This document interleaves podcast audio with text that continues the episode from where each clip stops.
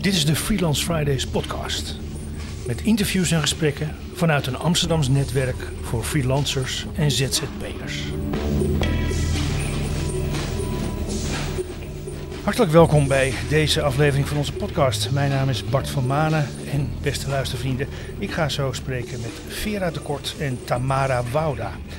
We zijn vandaag de gast in het kantoor van Mokka. Dat is de organisatie die zorgt dat alle kinderen in Amsterdam school cultuureducatie krijgen. En dat, is dan, uh, dat zijn dan bezoeken aan musea, kunstenaars, lessen over erfgoed en beeldende kunst, spoken word, zang, dans en muziek. De ommetjes van freelancers heb ik deze aflevering maar genoemd, omdat je als freelancer of ZZP'er in tijden van corona fysiek, maar ook creatief in beweging moet blijven. Zitten is het nieuwe roken, is uh, het credo tegenwoordig. Uh, we willen aan die creativiteit en aanpassingsvermogen ook in de komende podcast aandacht besteden. Dus heb je een goed verhaal over uh, het roer omgooien als freelancer of een, hoe je een uh, zijproject opeens tot je belangrijkste activiteit hebt gebombardeerd? Laat het ons weten. Want freelancers vormen vaak de flexibele schil van bedrijven, maar in deze coronatijden hebben ze het zwaar. Ze kunnen niet terugvallen op een vast contract of WW en de TOZO-regeling is geen vetpot en zou je het liefst willen vermijden. Maar goed, soms houdt het werk gewoon echt op. We kennen de voorbeelden. De culturele evenementensector en evenementensector en de horeca die zijn hard getroffen. En daarmee dus ook de freelancers en niet te vergeten de studenten, hier, zeker hier in Amsterdam, die werken in die sectoren. En de hele keten ligt dan dus plat. Maar zo'n crisis laat ook een andere kant zien van flexibiliteit, namelijk het benutten van tot voor kort onbenutte mogelijkheden of creatieve aanpassingen. Voor sommige freelancers is het werk doorgegaan, zeker het werk online natuurlijk. En bedrijven die zich met communicatie en organisatie van streaming video bezighouden, hebben waarschijnlijk veel meer werk gekregen. Of communicatietrainers, zoals Hedwig van Groendaal, die voor ons het eerste webinar verzorgde die vertelde toen hoe je zelf een webinar kunt organiseren. En zij viel door de corona met haar neus in de boter, want die heeft natuurlijk nu heel veel opdrachten en werk met trainingen en webinars geven. Dus. Um, goed, uh, vandaag dus te gast. Hartelijk welkom Vera de Kort en uh, Tamara Wouda, hartelijk welkom. Um, Vera, jij bent uh, specialist in verandermanagement en communicatie, zal ik maar even kort samenvatten. Het is een hele lijst op je cv. Uh, en door corona ben jij werk gaan doen, je werk gaan doen door middel van wandelconsulten. Uh, daar gaan we het zo over hebben. Maar je hebt, hebt, ons ook geleid naar dit kantoor in het gebouw van het stadsdeel, het voormalige stadsdeel West. Van eh, Mokka. Van Mokka. Zijn, ja. ja. Wat, wat, uh, wat, hoe ben jij met Mokka in contact gekomen? Nou, wat je zegt, mijn, uh, mijn vak is al twintig jaar heb ik echt een enorm hartstochtelijke relatie met communicatie. Namelijk communicatie van organisaties. Uh, als er iets verandert, dus een fusie of een reorganisatie of een nieuwe dienst of iets in de markt willen zetten, dan kom ik helpen bij dat verandervraagstuk. En Mokka is een van mijn opdrachtgevers. En zo kwam Peggy Brandon met dit aardige aanbod om ons hier uit te nodigen voor de podcast. Oké, dat is de connectie. Nou, uh, we mogen het mogelijkerwijs nog een paar keer gebruiken. Dus we zijn er hier erg dankbaar voor, want dat is een, eh, een uitkomst. Want wij kunnen ons niet in onze uh, gewone locatie, Pakhuis de Zwijger, want dat is vanwege de coronamaatregelen voorlopig taboe. Um, Tamara Wouda dan. Um, je bent uh, contact, content, content marketeer en je bent daarnaast uh, Nederlands als tweede taal gaan doseren. Um, tot voor kort ook voor groepen, daar is het een en ander veranderd, heb ik begrepen. waarom ben je daar ooit mee begonnen met Nederlands als tweede taal? Want je had toch al werk als content marketeer. Ja, ik had inderdaad al werk als content marketeer. Um, ik miste daarin het directe contact met mensen. Ik werk vooral voor softwarebedrijven. Uh, vaak ook op afstand. Want het is over het algemeen niet per se nodig dat ik bij hun op kantoor zit. Um, en ik ben zelf expat geweest in Duitsland. En ook al spreekt iedereen in Berlijn Engels, het is toch ook wel heel fijn om Duits te spreken.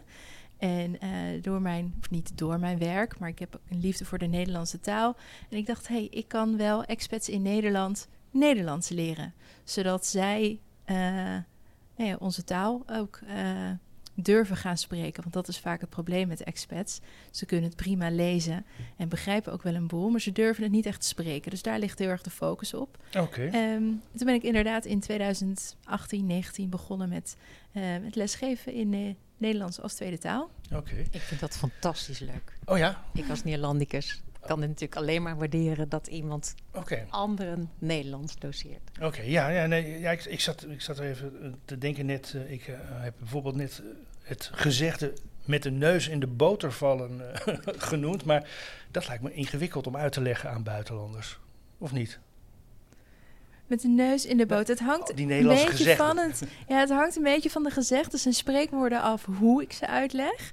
Soms zijn ze namelijk best wel letterlijk uh, uit te beelden. En daarmee begrijp je dan ook wel een beetje wat ermee bedoeld wordt. Boter was vroeger natuurlijk heel waardevol. En als jij met je neus in de boter valt, ja, dan is dat dus iets heel goeds. Want vroeger was er niet zomaar boter. Nee, precies. Oké. Nou, Ik heb geen idee. Ik heb geen Nederlands gestudeerd. Dus ik kijk nu naar Vera of dit een goede uitleg is Nou, van het spreekwoord. Maar dit Ja. zou ik ter plekke verzinnen. ja, eh, maar, maar je gaat hem niet via Zoom eh, nadoen. Eh, nee, deze is denk ik via Zoom wel lastig na te doen. Maar ik, doe wel, ik ben wel heel veel aan het mimen via Zoom. Ja, zeker. Oké. Ja. Oké. Ehm, ehm, nou ja, goed, we zitten allemaal. Ja, toch meestal als eh, freelancer in, de, in deze wereld. Eh, hoe, hoe kijken jullie aan tegen de, de, aanpak en, en, en de- hoe dat zo gegroeid is? Hè? De, corona die brak uit en we moesten allemaal ermee om leren gaan. Ehm, eh, hoe was het voor jou, Vera? Wat, wat, merk, wat merkte jij als eerste? Van je dacht van nou, nu, Wat moet, als- nu, moet, het, nu moet het anders of er gaat iets veranderen. Als alle, allereerste merkte ik in maart 2020 dat alle afspraken in mijn agenda doorgestreept moesten worden. Echt werkelijk alles. Eh, dan had ik de ene dag van alles doorgestreept en de volgende dag eh, ook bijeenkomsten, borrels, afspraken in organisaties. Niets ging meer door. En ik was inmiddels eh, bij, mijn, bij mijn communicatieopdrachten. ehm, zat ik ook vaak aan tafel bij individuele medewerkers. Hè? Met zo'n directeur of een bestuurder of een manager of een medewerker of een teamleider. Ehm, voor persoonlijke communicatieadviezen. Van hoe kunnen zij nou die organisatie verder helpen met hun persoonlijke communicatie? En dat veranderde in eh, eh, coaching on the job. Dus ik was eh, mentor voor individuen of sparringpartner voor directies of bestuursadviseur. En dat gingen we digitaal doen. Dus dat kon. Dat ging via Zoom en via Teams. En dat werd al gauw ontzettend saai, dat eindeloze zitten. Dus toen begonnen de wandelconsulten. Daar wil ik je dan zo wat over vertellen. Ja, en, en op welk moment gebeurde dat? Dat je dacht van nou dat die In maart Oh, eh, dat was ook- 2020. Oké, dat was al in maart. Oké. Ja, Ja. en in april eh, ging het echt lopen. De lopende praktijk eh, ging lopen. Ik eh, nodigde mijn, eh, ehm, ja, hoe zeg je dat? Eh, De mensen die ik begeleide, die coach, mijn coaches uit voor eh, wandelingen in Amsterdam Noord. Want dat gebied ken ik goed. Daarbuiten in de velden. Langs de eh, mooie groene velden met de beesten en de boerderijen en de tuinderijen en eh, bruggetjes water. Dus daar begon de wandeling Hm. op 1,50 meter. En dat was fantastisch, eh, deze wandelconsulten, om dat op die manier te doen met z'n tweeën. Oké. Eh, Tamara, jij, jij, jij gaf lessen, dus waarschijnlijk ook in een lokaal met groepen en dergelijke. Dat ging opeens allemaal niet meer. Hoe heb jij dat toen opgepakt? Ja, goede vraag. Ik zat toen de maatregelen begonnen. Dat was aan het einde van een cursusperiode. Dus we hadden toen volgens mij nog één les te gaan. En eh, ik gaf altijd les in de Bali op het Leidsplein. En ehm, dus de laatste les, nou ja, dat moest plotsklaps online. Nou, dat was prima. En toen kwam de vraag, ga ik een nieuwe cursusronde starten? Eh, die zou in mei beginnen. Mensen hadden zich ook al aangemeld, verschillende groepen. En toen dacht ik, ja, dan doe ik het maar gewoon online. Ehm, dus ik heb al mijn lessen herschreven, nieuwe werkvormen bedacht en eh, de groepen medegedeeld. Het gaat door, maar het is wel online. En ja, het zijn allemaal expats, die zijn ook gewend om online te werken. Dus dat is dan ook niet een Uh, je vraagt technisch ook niet te veel van ze. Er zijn natuurlijk ook NT2-groepen, bijvoorbeeld vluchtelingen, aan wie je dit niet kunt vragen. Dus ik had het geluk dat dat gewoon uh, door kon gaan. Ja, ja, oké. Um, en um, de regering kwam met allerlei maatregelen voor freelancers. Hebben jullie daar gebruik van moeten maken op enige wijze? Of uh, was er nog voldoende werk en inkomen om, om, om het gewoon te redden? Ja, ik heb vorig jaar mijn beste jaar ooit gedraaid. En dat komt dan door? Ik weet niet of het door corona komt, maar ik werk in de software-industrie. Nou ja, dat is wel een, een, uh, een industrie die natuurlijk niet slechter is gaan doen in 2020. Uh, wat ik wel heb gemerkt is dat er minder expats zich hebben aangemeld. Omdat uh, sommigen kwamen zonder baan te zitten. En er zijn natuurlijk minder expats naar Nederland gekomen. Hm. Um, maar de expats die er waren, hadden ook meer tijd. Ze konden s'avonds toch nergens meer naartoe. Ja, dan kun je net zo goed Nederlandse les gaan volgen. Oké, dus uiteindelijk was dat allebei eigenlijk heel gunstig. Ja, ja. Oké. Hoe, ja, een beetje bitterzoet natuurlijk, maar... Ja, um, hoe was dat voor jou, Vera? heb jij uh, last gehad van corona in die zin dat, je, dat je minder inkomsten had, uh, minder Ik opdrachten? Absoluut. Ik heb het tegenovergestelde van Tamara. Mm. Want ik was uh, altijd in opdracht bij organisaties hè, op de vloer als interim adviseur. Dus dat betekent dat je ergens 32 uur bent of 40 of het aantal dagen dat je per week afspreekt. Maar die deuren gingen dicht en alles werd ingetrokken, dus dat ging niet meer. En ja, bij freelancers komt er dan een streep door. En toen ben ik gaan nadenken, waar zijn we nu allemaal aan bij geholpen? Uh, bewegen en naar buiten. En iedereen zat natuurlijk met een vraagstuk en een probleem. Dus dat heb ik gecombineerd in de wandelconsulten. En dat ben ik eerst gaan oefenen of dat werkte. Hm. Dus ik heb ook mensen dit aangeboden en gezegd: joh, mijn bureau bestaat 20 jaar. Ik uh, bied het je gewoon aan. Het is een cadeau. En dat cadeau was ik aan het ontwikkelen. Hè? Uh, hoe het wandelconsult optimaal in elkaar kan steken. Nou, dat is inmiddels echt nu uh, beproefd. Dus ik ga nog verzinnen hoe ik dat in de markt ga zetten. Om ook mijn boterham verder mee te kunnen financieren. Wat is dat een uitdrukking? NT2. dus ja, het was helemaal niet makkelijk. Geen inkomsten hebben als freelancer natuurlijk. Hm, hm. Maar ik begrijp dus ook dat uh, uh, door het wandelen is het coachen eigenlijk veel persoonlijker geworden, of niet? Nou, dat zeg jij echt heel goed. Dat was het, het grote voordeel van dit grote nadeel. in eerste instantie werkte ik dag in dag uit in organisaties om die organisaties te helpen met hun communicatie en hun communicatievraagstukken en om een toegankelijke organisatie te worden. En nu merk ik dat mensen rondlopen met een vraag. Individuele personen die hebben een vraag, die steken hun vinger op, die zeggen: Ik loop echt met een werkworsteling en ik hoor dat ik erover kan wandelen. Kan dat bij jou? En ik dacht: Joh, als die vraag komt, dan uh, gaan we dat doen. En uh, ik heb mijn cadeau, de, de, het wandelconsult, aangeboden. En dat is uitgegroeid tot de praktijk, de lopende praktijk je komt met een vraagstuk uit je dag, dagelijkse werk. We wandelen erover en het gaat weer lopen in je eigen praktijk. Dus een hele zijstap aan mijn eigen bureau de kort. Hm, ja. Hm, ja. En uh, uh, om even een beeld te krijgen, met wat voor uh, problemen komen mensen bij jou op zo'n wandelconsult? Ja. De, het zijn echt werkgerelateerde vragen. Het zijn dus professionele, persoonlijke vragen van mensen de duidelijke rode lijn is wel een werkworsteling. Dat valt te zien. Um, noem eens wat voorbeelden. De aandeelhouders zijn niet allemaal meer tevreden. Uh, ik wil eerder ophouden met werken. Kan ik gewoon stoppen? Kan ik uit mijn baan stappen? Uh, de sfeer bij ons in het ziekenhuis is moeilijk tussen de partners. En we merken het op de werkvloer. Ehm, ik moet thuiswerken, maar mijn partner ook. Hoe ga ik dat allemaal regelen? Um, ik vind het heel moeilijk om nee te zeggen tegen mijn leidinggevende. En nu ik dat eindelijk kan, lig ik er weken van wakker. Weet je, het is divers, maar het zijn ook werkgerelateerde vraagstukken. Maar ook heel praktisch klinkt het. Nou, het leuke is, uh, het is voor mensen helemaal niet praktisch. Ze zitten er hartstikke in vast. Ze zijn er een tijd mee bezig. Ze lopen er maar mee rond. Ze komen er niet uit. En dan gaan we wandelen. Het duurt 2,5 uur ongeveer. En dan, uh, het is niet alleen coaching van wat denk je zelf. Maar het, is ook advies. Ze vragen ook het advies en ik adviseer ook, want dat is ook mijn vak hè, als adviseur. En dat leidt tot hele praktische handvatten. Echt een concrete stap om meteen de volgende dag mee aan de slag te kunnen en uh, door te gaan. En ik hoor terug als reactie dat mensen er echt baat bij hebben. Dat ze goede resultaten voelen door deze andere manier van kijken. Oké, Tamara heeft een vraag. Ja, ik ben wel benieuwd wat je dan adviseert aan uh, mensen die dan met z'n tweeën moeten thuiswerken. Wat is dan een praktisch handvat wat jij hen geeft? Ah, uh, dit was een, een uh, consult, wandelconsult. Um, ik, wil, ik zeg nooit wat inhoudelijk. We spreken van tevoren af dat ik nergens op inga. Ik vertel dit aan helemaal niemand, behalve ons tweeën op die 1,50 meter. Ook thuis niet aan mijn vriend. Niemand krijgt er iets over te horen.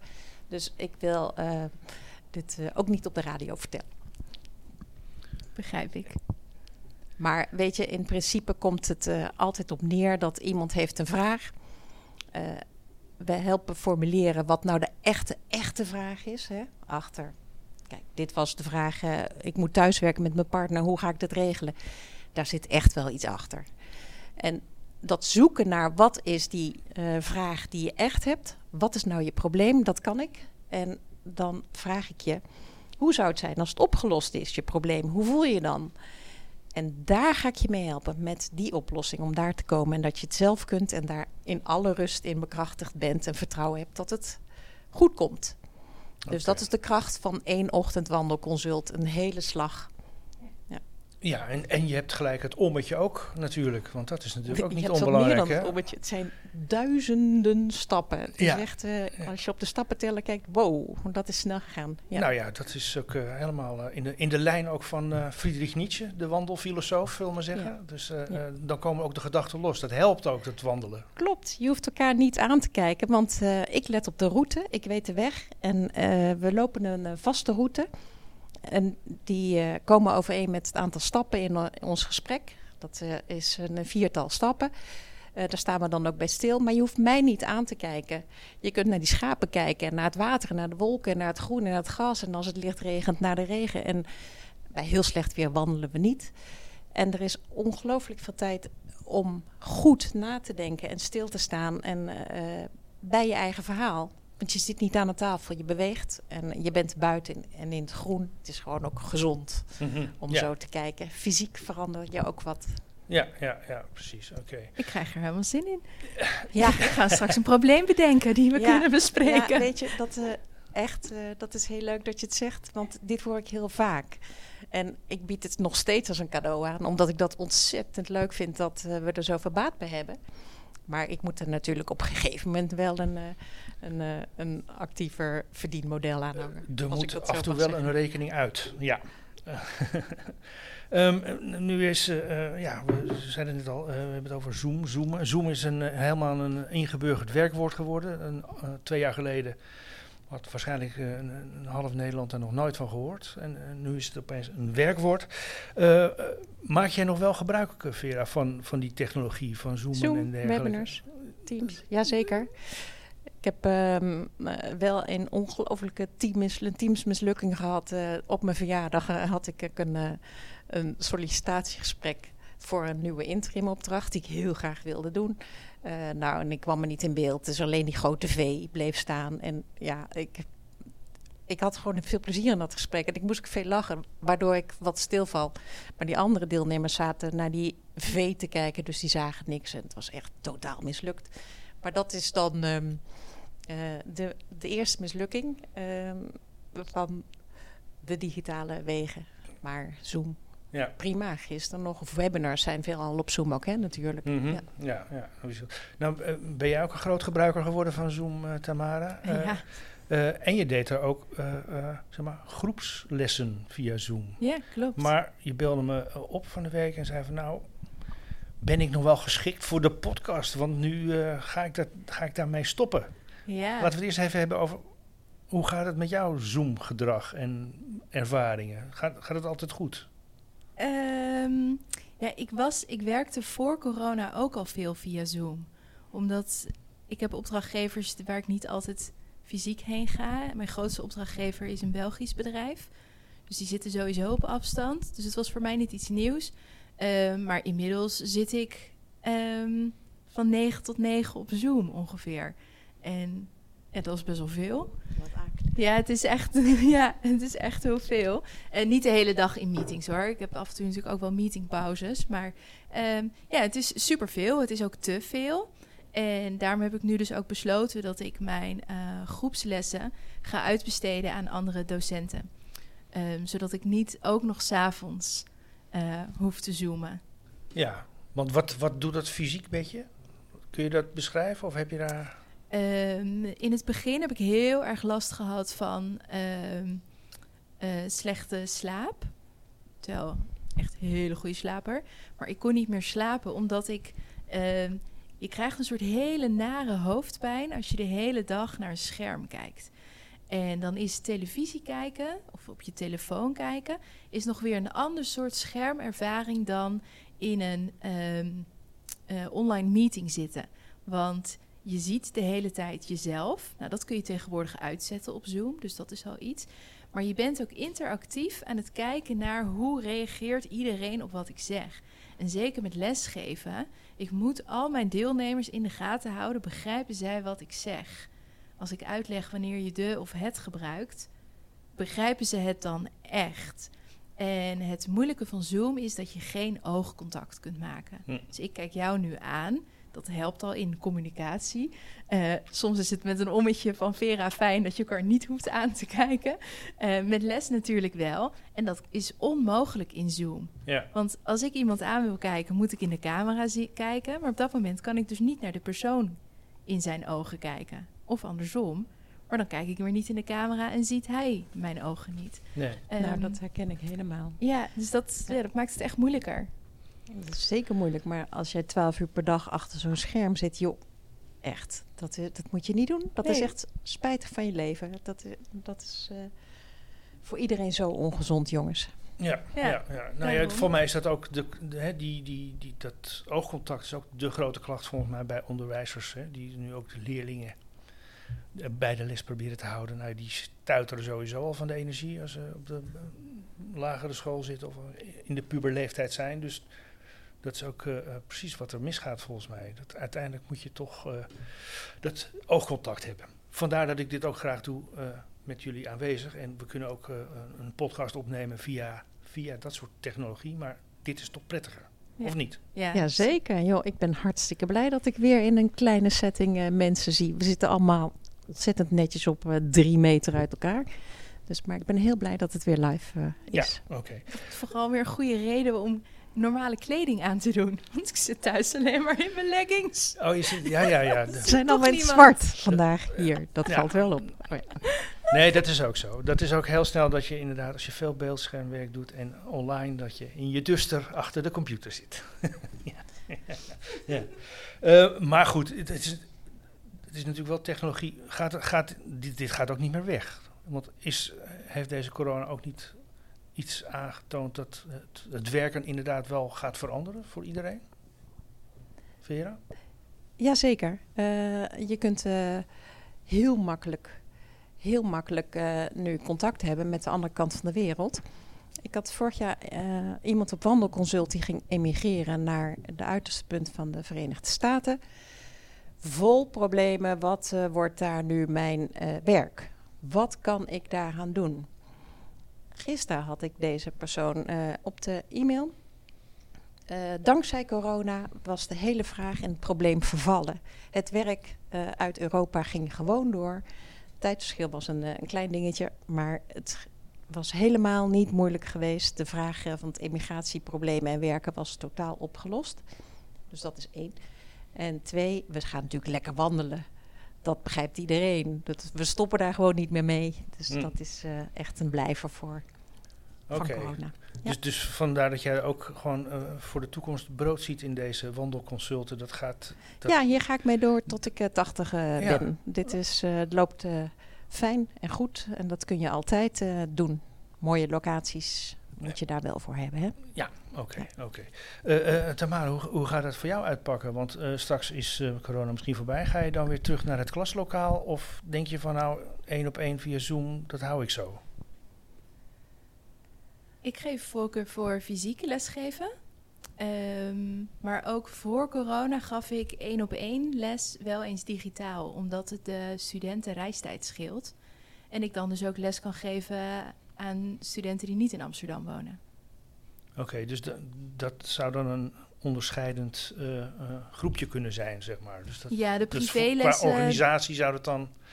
eh, de mensen die ver weg wonen, zou je via Zoom kunnen helpen? ja, precies. Oké. Ja. Dus in die zin maakt het een, zeg maar een, een, een onderscheid in hoe je je werk gaat zou, zou kunnen organiseren. Niet zozeer in het werk zelf. Nee, qua werk zelf is het niet verschillend, denk ik. Nee, oké. Wel, ik wil toch nog iets zeggen over dat zoomen. Ja, Dat is nu zo in de mode dat mensen automatisch een beeld aanzetten. Ik eh, doe het niet. Ik bel gewoon met mensen. Ik hou het uit. Ik heb eh, oortjes in en ik heb een telefoon in mijn broekzak zitten. En het praat zo makkelijk gewoon met het oude medium, de telefoon. Dus er was vandaag ook een bericht over. niet ik. zoomen. Wel bellen. Ja, Ja, ik Tamara? weet hier. Ja, ik doe dit dus ook. Kijk, soms met lesgeven moet ik beeld hebben. Hè? Dat, dat eh, kan natuurlijk niet, niet als anders. je scherm moet delen misschien. Maar, eh, ehm, en, ehm, maar ik moet voor mijn werk als contentmarketeer moet ik vaak mensen interviewen. En dat doe ik dus ook gewoon via de telefoon zonder beeld. Want Ja. het heeft echt geen enkele reden waarom ik degene die ik interview eh, moet zien. nee, je kunt heel goed horen en ook. luisteren als je geen beeld hebt. Nee precies. Ik zag vandaag ook een berichtje bij voorbij komen. Ik zit, ben even aan het nadenken waar, het nou, eh, waar ik het nou gezien heb. Maar dat ging over dat in- inderdaad telefoneren ondergewaardeerd is. En dat het eigenlijk eh, eh, veel beter is. En dat het ook prettiger is voor mensen om gewoon alleen je stem te horen. En niet het beeld erbij inderdaad. Dus nou ja, dat is een soort herwaardering van het telefoneren. Terwijl mijn indruk is ook dat veel jonge mensen een soort angst voor telefoneren hebben gekregen. Ja, klopt. Even appen. Ja, alles gaat via de app. En herken je dat, Tamara, of niet? Ja, jij belt misschien nog wel mensen gewoon. maar- Nee, ik bel mensen op afspraak omdat ik ze moet interviewen. Maar mijn telefoon staat denk ik al vijf jaar op stil. De kans is zo klein dat ik opneem als je me belt. Want ik heb mijn telefoon altijd op stil. Ja, precies. Dat is Ja. toch wel echt een generatieding, Vera, denk je Nou, niet? ik ben mijn telefoon op weg hier naartoe vergeten. Die ligt thuis op het aanrecht. Dus eh, ik weet niet wat het is. Ja, dat zou, voor, dat zou dodelijk zijn als, eh, als, als tiener nu je, je telefoon vergeten. En eh, dan ben je onthand volgens mij. Dan raak je in paniek. Nou, dat klopt wel. Op de fiets dacht ik, oh, ik gooi het stuur om. Ik moet die telefoon hebben. Oké. Toen dacht ik, ja, waarom? Wie gaat mij bellen tijdens een podcast? En ga ik dan opnemen? Laat Nee. me even liggen. Nee, dus je zit niet op hete kolen. Jawel. In Eh. eerste instantie een minuut zeker. Ah. Maar nu niet meer. Oké, goed. Hartelijk dank dus eh, aan mijn eh, gasten Vera de Kort en Tamara Wouda. Het eh, gaat jullie goed. Dank ook aan Mokka, expertisecentrum cultuuronderwijs, voor de gastvrijheid hier en mogelijk ook andere keren. Dit was aflevering 4 van de Freelance Fridays podcast en die is te vinden via de meeste podca- podcastplatforms en apps zoals Spotify, Apple Podcasts en ook Google Podcasts. Opnametechniek Amir Bar, apparatuur Amir Bar en Klankplank Producties. Joris Baars, bedankt voor de hulp bij de productie. Eh, de foto's en het verzorgen voor de cadeautjes, want ja, ja, ja, daar komt nog wat aan. En Freelance Fridays podcast en webinars worden mogelijk gemaakt door onze sponsors en Topic, Freelance Firm en Managed WP Hosting. Dus bedankt ook Theo Hielkema, Roberto de Kok en Ramon Vinken. Tot de volgende keer. Zo, dat was het. Nou, het ging prima. Bye.